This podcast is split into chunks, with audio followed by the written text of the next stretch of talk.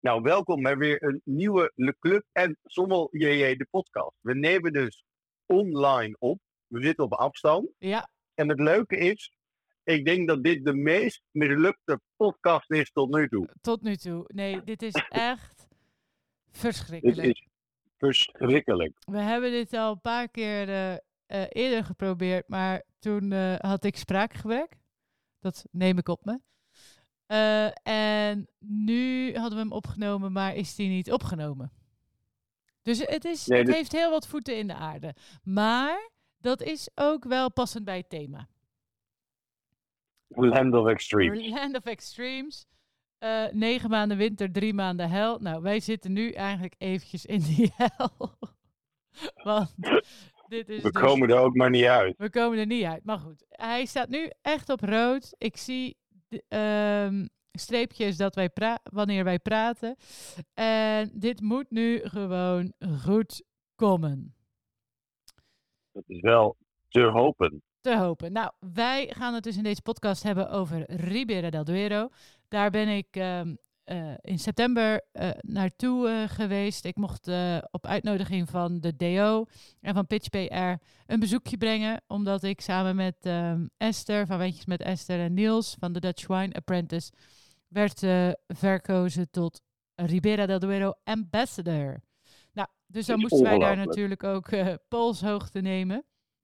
En het was weer een heerlijk druk programma met sterrenlunches, bezoeken bij eh, allerlei eh, wijnhuizen en heel veel eh, ehm, ja, informatie en, en leuke dingen geleerd over de streek. Ehm, het lijkt een redelijk overzichtelijk gebied met een één druiver als Tempranillo aan het roer, houtrijping hier en daar en eh, behagelijk klimaat. Maar dat behagelijk klimaat is het dus totaal niet. Het is echt. eh, Het is er warm, het is er koud. het is er bijtend koud in de winter en eigenlijk ook in de herfst en in het voorjaar. En dan heb je drie maanden zomer en dat is dan, of drie- dat noemen ze dus drie maanden hel, omdat het dan snikheet is. Ehm, maar daar vertel ik zo nog wat over. We gaan nu eerst naar de. Tjoe.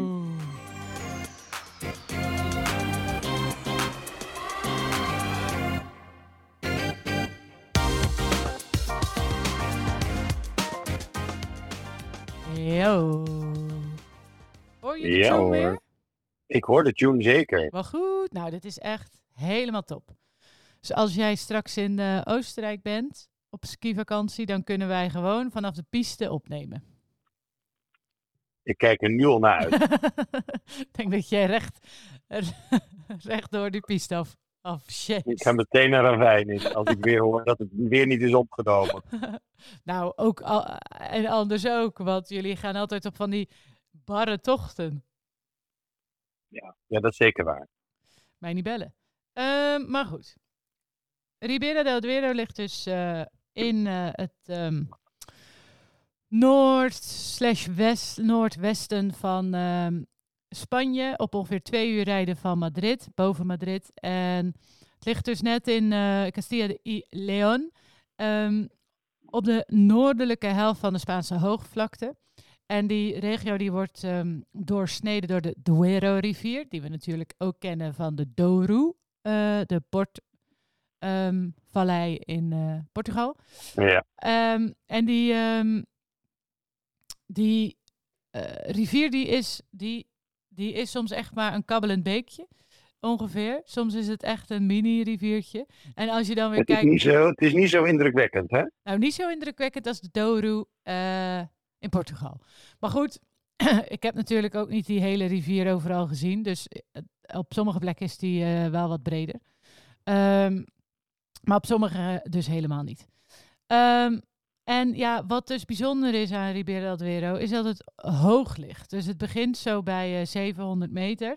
Ehm, en de hoogste wijngaarden liggen op zelfs 1000 meter. Maar het is niet dat je dat echt door hebt als je daar bent, omdat het gewoon op die hoogvlakte ligt. Dus het is niet per se heel bergachtig, maar je ligt gewoon al veel hoger. En dat doet natuurlijk wat met het klimaat. En dat zorgt voor verkoeling, een langer groeiseizoen en vaak ook betere zuren. Ja, nou, ehm, het heeft dus nee, het heeft dus niet zo'n lang groeiseizoen. Dus het moet juist allemaal Nee, gebeuren in de zomer. Want Tempranillo is natuurlijk een eh, early riper. Ehm, dus alles moet eigenlijk gebeuren in die, eh, in die zomer. En toen wij er waren, waren ze al een beetje begonnen met, ehm, met oogsten. Eh, dus zo begin de september. Ligt een beetje aan eh, eh, de- het jaar natuurlijk. Maar in principe ja, moeten ze eh, er weer snel bij zijn. Want op een gegeven moment wordt het gewoon steenkoud. En dat merkten wij al toen wij daar waren. Want ehm, na een uur of eh, zes, zeven is het gewoon zakt de temperatuur gewoon naar 8 graden of zo. Dus dat is echt gewoon berenkoud. Dus je moet altijd een jas meenemen als je daar naartoe gaat. Ehm, maar goed, Ehm, dat, eh, dat maakt het dus wel ja, heel, een heel bijzonder gebied. En, ehm, en toch ook wel heel geschikt voor Tempranillo. De vraag is natuurlijk wel hoe lang dat nog zo blijft. Want ehm, ja, hoe warmer het Wordt wordt, natuurlijk warmer. ja, dus dat, dat is nog wel. eh, dat, moet, dat gaan we meemaken. Maar eh, vooralsnog hebben ze best wel veel. ehm, nog, nog wat opties. Want eh, er, is nog, eh, er zijn nog mooie wijngaarden in het eh, oosten van de streek. En dat is eigenlijk een gebied dat, ehm, eh, dat altijd een beetje genegeerd is. Omdat het eigenlijk. ehm, ja, het heet Soria.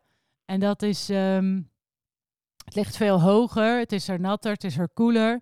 Dus dat was eigenlijk altijd een beetje ja, wat minder interessant. En nu zijn daar toch wel wat wijnmakers naartoe gegaan, omdat het juist natuurlijk vanwege die verkoeling wel eh, eh, interessant kan zijn. Omdat ja, daardoor blijven die druiven natuurlijk hun zuren behouden. Ehm, en het mooie is ook dat je daar best wel wat oude stokken ziet, omdat er gewoon in dat deel weinig is geïnvesteerd. Dus dat is daar gewoon altijd zomaar een beetje blijven staan. Ehm, en eh, een van de wijnmakers die eh, wij spraken tijdens onze, ons tripje was eh, de wijnmaker van Dominio de Atauta. En die zit daar dus. En die heeft dus bijvoorbeeld wijnen van 100 of druiven van 170 jaar oud. Eh, 170 jaar. Yes, yes, yes. In Soria. Maar dat komt gewoon omdat daar... ehm, ja, dat is altijd een beetje gewoon genegeerd, die hele zone daar. Ehm, terwijl, ja, dit gebied heeft van alles meegemaakt. Ehm, ze hebben eigenlijk nog maar sinds eh, 1980 een DO. Eh, maar Ja. er wordt al heel lang wijn gemaakt. En nou ja, het is natuurlijk wel beroemd geworden. Of, of in de, eh, in de kijker eh, gezet door Bega Sicilia, het beroemdste huis. Bega Sicilia. Bega Sicilia.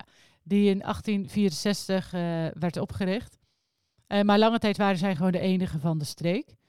Ehm, en nou ja, dat bleef, dat bleef ook wel een tijdje zo, omdat Ribera werd getergd door tegenslagen. Phylloxera, nou, Phylloxera begon in Frankrijk, dus dat was eerst juist wel chill voor ze, want dan eh, wilden die Fransen natuurlijk druiven uit Spanje hebben. Dus daar hebben ze nog wel wat van geprofiteerd. Maar ja, later herstelden de Fransen en kwam die Phylloxera naar, naar Spanje. Dus ja, toen stort het weer in. Ehm, dan was er ook nog een Spaanse burgeroorlog en werd het eigenlijk lucratiever om suikerbieten te verbouwen dan wijnstokken. Maar ja, je moest toch ergens eten. Je kan ook wel druiven eten natuurlijk, maar ja. Dus zo werden er natuurlijk heel veel stokken eh, uitgetrokken eh, en, en werden daar andere gewassen neergezet. Maar in Soria, in dat oosten, ja, daar werd dat niet echt gedaan, omdat je daar eigenlijk bijna niks anders kan groeien. Dus vandaar dat daar nog best wel veel van die oude stokken staan. Is toch weer interessant, hè? Ja, nee, het is sowieso een hele leuke regio. Heel divers. Ja, mega. Nou ja, en dat komt dus door die verschillende gebieden. Dus de meeste eh, huizen staan in Burgos, dat is een beetje het midden. Ehm, Ja, dus daar hebben wij ook nog eh, eh, gedineerd. Dat is Aranda del Duero, is een beetje de grote stad. Of nou ja, het is totaal niet groot, maar goed. Ehm, daar was ook een muziekfestival toen wij daar waren. Nee, een, o- ja, een oogstfestival. Toen gingen ze de eerste druiven persen en zo. Ja, het was erg grappig. In klederdracht en zo. Het is Eh, altijd een beetje folklore, hè? Ja, folklore, mega. En toen, ehm, eh, nou ja, daar, daar kan je wel heerlijk eten eh, overal. En dat is allemaal nog best wel voor goede prijzen, dus dat is chill. Dat ligt dus in Burgos en daar eh vind, dat is ook het grootste subgebied. Ehm, verschillende hoogtes en hoe hoger gelegen, hoe meer kalk in de bodem. Ehm, en een van mijn favoriete wijnhuizen hier is Marta Maté. Die ligt dan ook weer wat hoger, hebben ook weer oude stokken en maken ook echt toffe wijnen. Ehm, maar ga je dan naar het westen, dan kom je op den duur uit in Valladolid.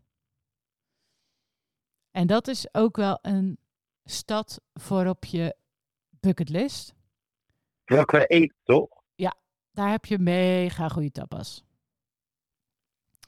Ehm, maar dan wel echte tapas. Niet, niet La Cubanita, dat. Niet de La Cubanita. Nee, ik heb daar ook een keer een, eh, ja, een soort kunstwerkje gehad van, eh, een, van, de, van een, een, een soort van eh, nagemaakte wijnstok. Wel, en dan was het allemaal eetbaar, was van chocola en zo. En nou ja, het was echt, dat is echt leuk. En alles wordt uit magnums daar geschonken. Lekker met uh, vel TL-licht boven je kanus, maar wel heel goed allemaal. Het was echt een leuke stad. En allemaal echt wel goede prijzen. En als je daar dan naartoe reist, vanuit Burgos, dan kom je dus over de Golden Mile. En dat is natuurlijk prachtig. Weet je wat dat is? Nou, je zou zeggen, na drie keer zou je dit moeten weten. Maar in het kader van de spontaniteit Ja. doe ik gewoon even alsof ik niet weet wat de Golden Mile is. Touché. Erg goed, erg goed. Eh, nou ja, daar zitten dus al die beroemde huizen gevestigd. En dat is wel een beetje, zeg maar, de, de dikke straat. Of de dikke weg. Want het is, het is best groot en, en eh, lang. Eh, maar daar zit dus Vega Sicilia, Finca eh, Creces, en Alto en zo.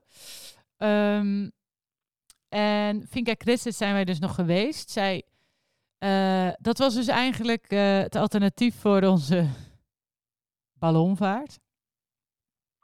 Zouden we natuurlijk eerst gaan doen, maar het was te slecht weer. En nou ja, als je ja, uit die ballon wordt geblazen, dan is het natuurlijk niet echt een leuk verhaal. Dus eh, dat doen ze echt alleen maar als het weer helemaal eh, optimaal is. Dus wij gingen fietsen, maar dat was eigenlijk ook heel leuk. En eh, Nou ja, een, een echte Hollander gaat natuurlijk op de fiets. ja, en ik vond dat ook wel wat minder spannend natuurlijk. Dus ik was eigenlijk ook wel blij. Ehm, en dat was heel leuk, want we fietsten bijvoorbeeld langs Floor. Dat is de wijngaard, dat was de wijngaard van Floor de Pingus. Ehm, daar haalde Peter Sisek altijd zijn, zijn druiven. Maar nu hebben ze het dus in eigen, eigen beheer, of in ieder geval maken ze er zelf wijn van. Ehm, dus dat is echt wel een aanrader. En Arzuaga, dat is ehm, ook een winery, bekend eh, label hebben zij.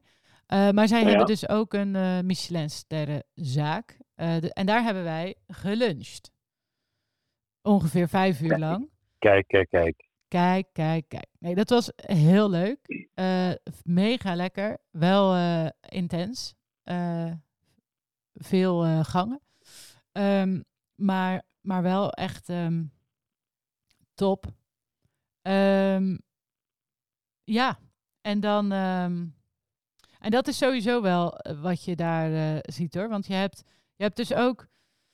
Je hebt volgens mij best wel wat sterrenrestaurants. Eh, Pago de Calle Ovejas. Weet je Ja. wel? Cara Ovejas. Die hebben ook een ehm, sterrenzaak. En zij, zijn, zij deden ook mee met ehm Jerez, met Copa de Jerez. Kijk. Dat waren die mensen in die, eh, in die Range Rover. Oh god, ja. Die uiteindelijk niet hadden gewonnen, toch? Nee, maar ze Hadden volgens mij wel eh, dessert of zo. Ze hadden wel iets gewonnen. Ja. Eén, één ding gewonnen. Maar dat vertelde je ook in, in, in die podcast over Copa Jerez. Is dat zij dan ook het gingen presenteren in het Spaans. Dat vond Ja. ik ook gewoon Ja, vond ik oneerlijk. Vond ik ook oneerlijk. En dan ook nog een Range Rover. Ja, weet je, houd een keer op. Het houdt een keer op. Maar die, eh, dat wijnhuis, daar heb ik ook nog een fotootje van eh, in mijn blog gezet. Over dit hele verhaal heb ik een blog geschreven. En, ehm, en dat is wel heel indrukwekkend hoor.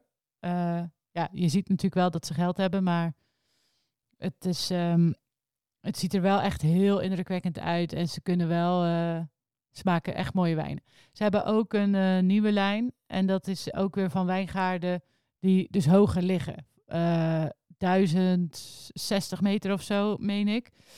En dat is wel, uh, ja, ik hou daar wel van.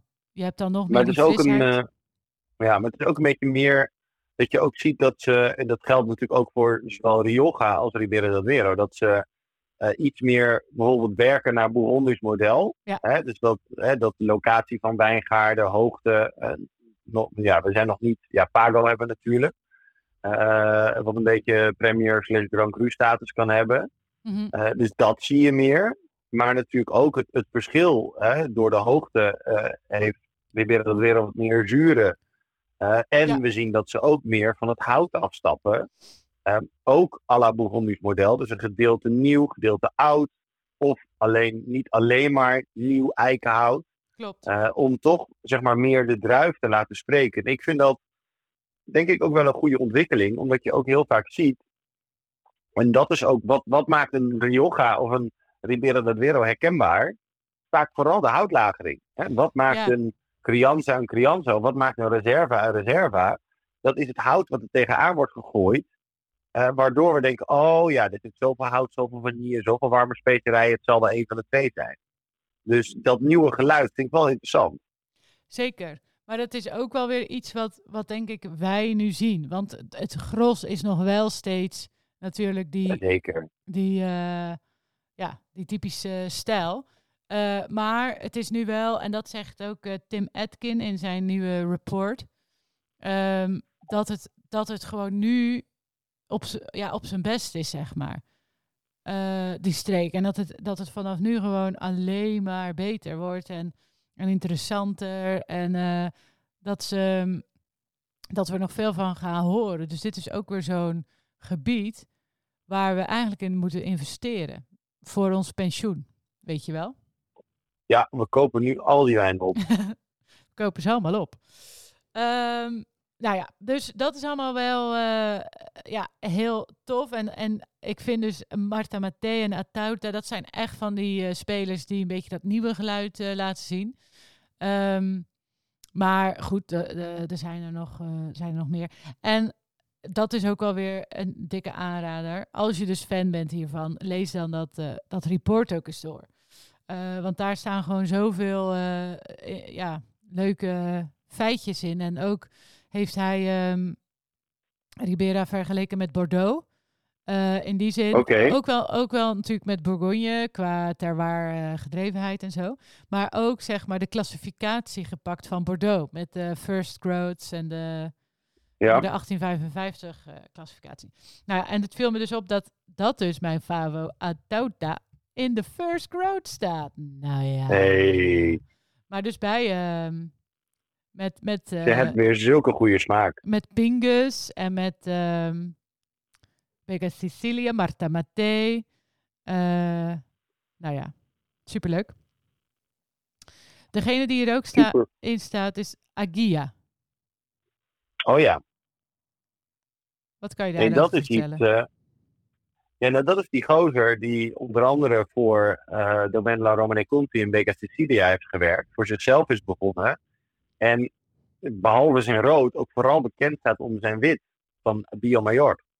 Ja, wij hebben die dus al uh, een paar keer samen ge geproefd, hè? En het is wel echt tof, vind ik. Ja, het hele is, leuke ik wijn. vind het een hele spannende wijn. En het, het, het, in het begin had het zeg maar die Pouligny rotjes. De Mhm. laatste keer dat ik het dronk was het zeg maar, waren de rotjes qua hoeveelheid verdubbeld.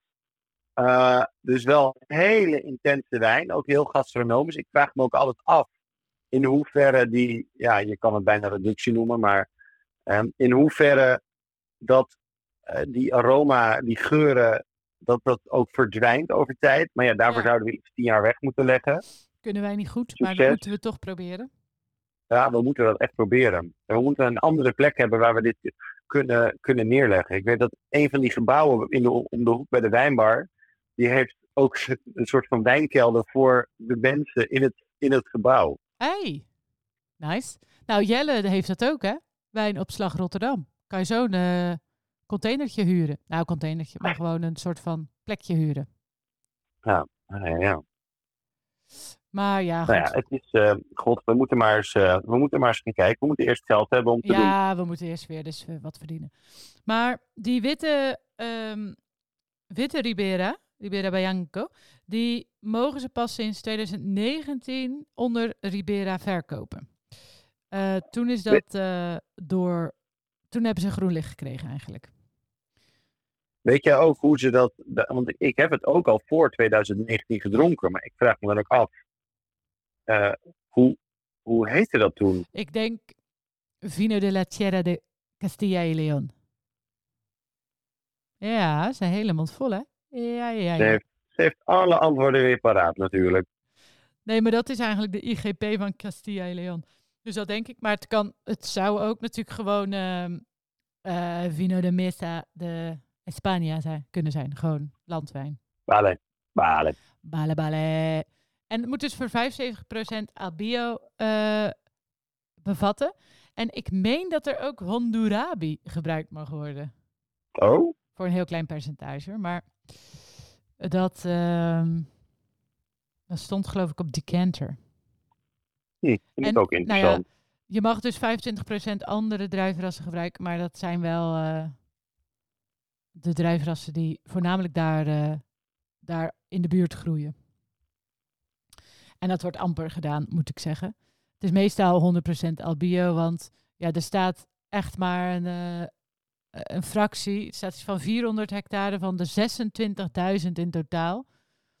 Is, eh, ja, het is, het, is, het is albio. weer niet veel. nee. Ja, want nu we het toch over hebben. Toen we dat eh, Ribera eh, persevenement deden in, in, in de wijnbar hier in Mhm. Amsterdam. Toen hadden we ook een eh albio major. Die eh, meer dan 24 maanden hout had. Maar ook nog Mhm. eens gemaakt was als een orange wine. Dat was echt... Dat was ook meteen waarschijnlijk de enige orange wine uit de hele regio. wel, dat ja. was ook, ook een hele toffe, complexe, gelaagde wijn. Had bijna zeg maar een beetje eh, whisky vibes, bourbon. Ja het, had, we- ja, het had natuurlijk echt wel ook een lange houtrijping en nog eh schilweking in amphora volgens mij. Eh, maar het, was heel, het combineerde ook heel leuk met die aubergine van jullie, Oh ja, dat gerechtje. En zo zie je maar, dat is toch wel heel gastronomisch. Alleen ja, het is natuurlijk, hè, dat is een beetje ons probleem. Wij vinden altijd de niche weer zo leuk. Ja, maar goed, dat vind ik ook prima. Want ehm, Wij zijn zelf ook een niche. wij zijn ook een niche. En over, over het, de basis is, is natuurlijk al zoveel te vinden. Dus dan is het juist leuk als wij, denk ik, die niche opzoeken, toch? Vind ik dan goed. Zeker, Vind ik zeker. dan oké. Ehm, dus dat is eh al bio. En nou ja, de reden dat er niet veel staat is omdat eh, de boeren meer geld kregen voor Tempranillo. Dus ze eh, hebben heel veel eigenlijk eh, eruit gehaald in de jaren 90 en, en eh, Tempranillo geplant. Want ongeveer 25.000 hectare van de 26 is dus Tempranillo. De sterspeler. Ter spelen. En die, eh, die moet dus gebruikt worden voor, eh, voor rood. 75% daarvan eh, moet in de blend zitten. En je mag het aanvullen met Cabernet Sauvignon, Garnacha, Malbec en Merlot. En je mag ook dus Albio Major gebruiken in de blend, dus wat wits. En Alicante Bouchet, Bobal, Jaen en Purules worden ook getolereerd als ze al in de wijngaard te vinden waren voor de oprichting van de DO. Ehm, dus je ziet wel dat er sommige ehm, huizen daar, daar nog wat van hebben staan. En nou ja, dat wordt dan voor heel weinig, maar wel wat eh, soms eh, ook toegevoegd aan de blend. En ja, het punt is dat de meeste van deze rassen wat hogere zuren hebben. En dat is natuurlijk wel handig voor Tempranillo, want die kan, die is vroeg rijp. Dus je moet daar wel eh, handig mee zijn dat je, dat je hem op het juiste moment oogst. En dat is ook weer de reden dat ze dus steeds vaker het hoger opzoeken. Eh, koele nachten betekent dat die zuren beter bewaard blijven. Dus dat is, een, eh, han- dat is handig. Ja, je kan de hoogte in. Dat is, dat is hier wel eh, een, een heel fijn bijkomend voort. Absoluut helemaal. Nou, ik ga dus nog een blog schrijven naast deze. die wat meer inzoomt op, de, op een aantal favorieten die ik heb uit de streek. Zowel Ja. ehm, tijdens de reis geproefd als al tijdens een eerder tripje of eh, op een andere keer. Dus ik ga even een paar leuke wijnen, eh, een, rijtje leuke wijnen uitkiezen. En daar wil ik dan ook een eh, wijnspijssuggestie bij doen. Dus dan kom ik misschien nog eventjes bij jou, meneer de sommelier, terug voor leuke tips. Zeker, zeker. Leuke tips. Dikke tips van de dien. had jij nog een dikke tip? Nou, ik heb twee dikke tips. Momentje. Dikke tip van de week. Ja? Hey, Kom maar ik heb door. dus twee dikke tips. Ik Ja. heb, eh, we hebben dus een nieuwe eh, producent opgenomen in het assortiment. eh, uit Bulgari. Mhm. Dat is eigenlijk ook wel het stukje waar de super Toskens eh, vandaan komen. En dat is dus Batzella. Eh, en dat gaat ook inmiddels al door het leven als Battibat. Batibat. En eh, de heerlijke wijnen van Battibat. Goedemiddag. En eh, dat is dus... zelf. eh, ja, met Battibat zelf. Goedemiddag. En we zijn ook meteen al uitgenodigd om naar Bulgari te komen. Oh, want het is altijd erg. Ja, maar ja, god, wanneer in hemelsnaam? Ehm, maar dus, ik, ja, we hebben dat geproefd en we waren eigenlijk op zoek nog naar een aanvulling qua super Toskens. En per toeval via via, via de familie, eh notabene hier terechtgekomen. Echt hele mooie wijnen. En uiteindelijk is het ook, eh, als je dus zo'n wijnhuis, we kregen dus allemaal samples opgestuurd. En eigenlijk is het belangrijkste dan ook, hoe goed is de goedkoopste wijn? Want de duurste kan wel zo mooi zijn. Ja. Maar als die goedkoopste wijn niet klopt.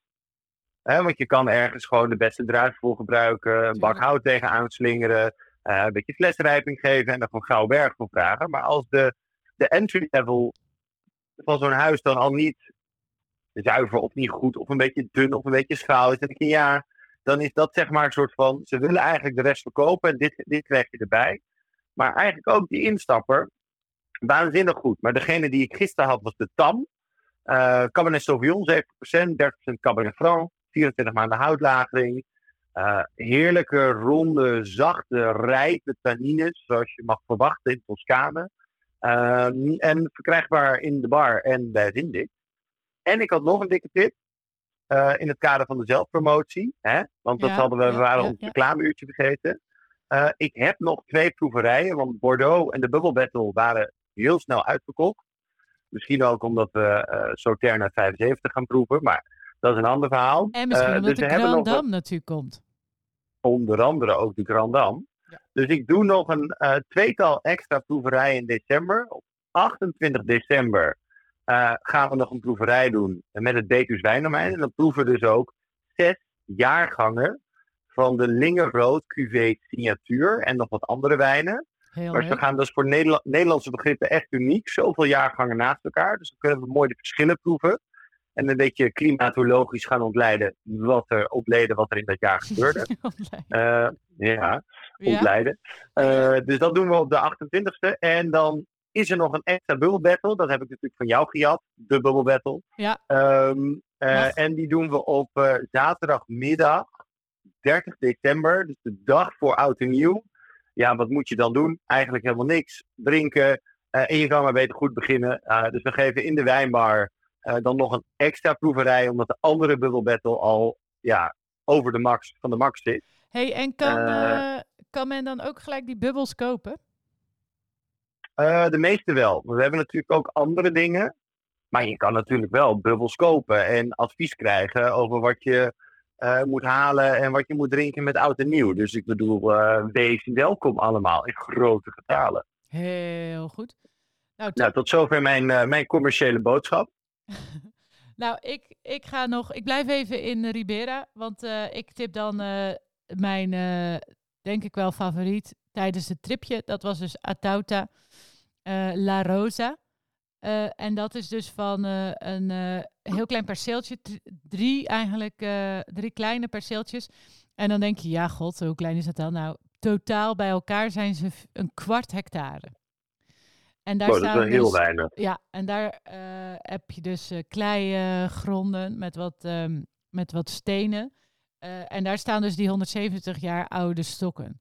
Nou ja, ik vond dat echt een waanzinnige wijn, maar heel ehm, geconcentreerd, maar toch ook echt wel elegant en een beetje bloemig en eh, iets van eh, Franse kruidigheid of zo. Nou ja, of Spaanse kruidigheid, whatever. Maar echt een beetje dat, dat, dat eh, ja, waar je gewoon aan wil blijven ruiken. Een beetje bossig, heel aards. Toch wel weer een ander, duidelijk ander geluid. Maar waanzinnig. Dus die zou ik ook nog wel ehm, over tien jaar of zo willen proeven. Want we hadden natuurlijk nu best wel een jonge versie.